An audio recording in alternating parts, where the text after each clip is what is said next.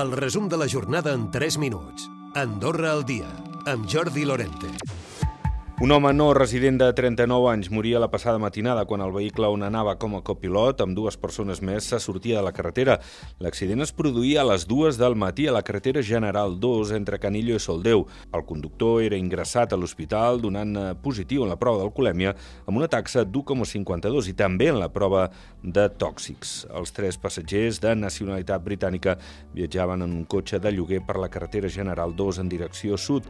Un dels implicats a l'accident rebia l'alta poca poques hores després i el conductor ja més tard eh, també rebia l'alta per passar a disposició judicial aquest dissabte. Se li imputa un delicte contra la vida i contra la seguretat col·lectiva pel resultat positiu en les proves d'alcohol i drogues. I encara parlant de la policia, dir que detenia aquesta passada matinada un home de 22 anys amb una navalla de 10 i mig centímetres amb 3 grams de cocaïna a la zona d'accés del festival Snow Row a Grau Roig.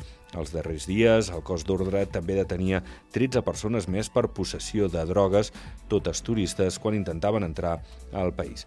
I es viuen les darreres hores abans de la votació d'aquest diumenge en les eleccions generals. Molta gent s'ha adreçat a la batllia, especialment aquests últims dies. Encara hi ha temps fins aquest dissabte a la una de la tarda. Comoditat, persones que estaran fora del país el diumenge, no haver de demanar hores a la feina, són algunes de les raons que motiven aquests votants a fer-ho a través de la batllia. Hi ha bastanta gent, això suposo que considero que és molt positiu, altres anys que hem votat a l'antiga batllia no hem vist tanta gent, així que és molt positiu i, i és molt àgil, o sigui que es fa ràpid la cua, es fa ràpid. Trobo que és la, la forma més fàcil i més àgil de, de no demanar hores a la feina i vindre aquí més ràpid i front comú dels investigadors i experts en canvi climàtic per una millor gestió forestal.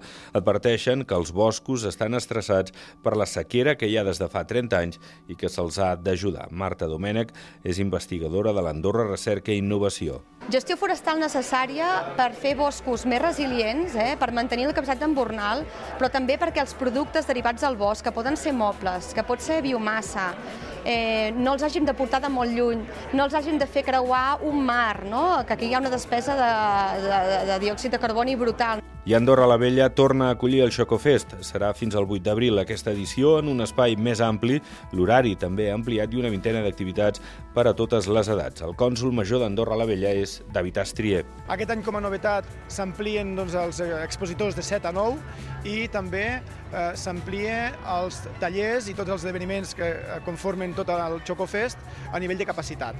Les places disponibles per als tallers del cap de setmana per decorar ous de Pasqua estan exaurides. Els més llaminers podran gaudir, doncs, d'uns dies de molta diversió i dolçor. Recupera el resum de la jornada cada dia a AndorraDifusió.d i a les plataformes de podcast.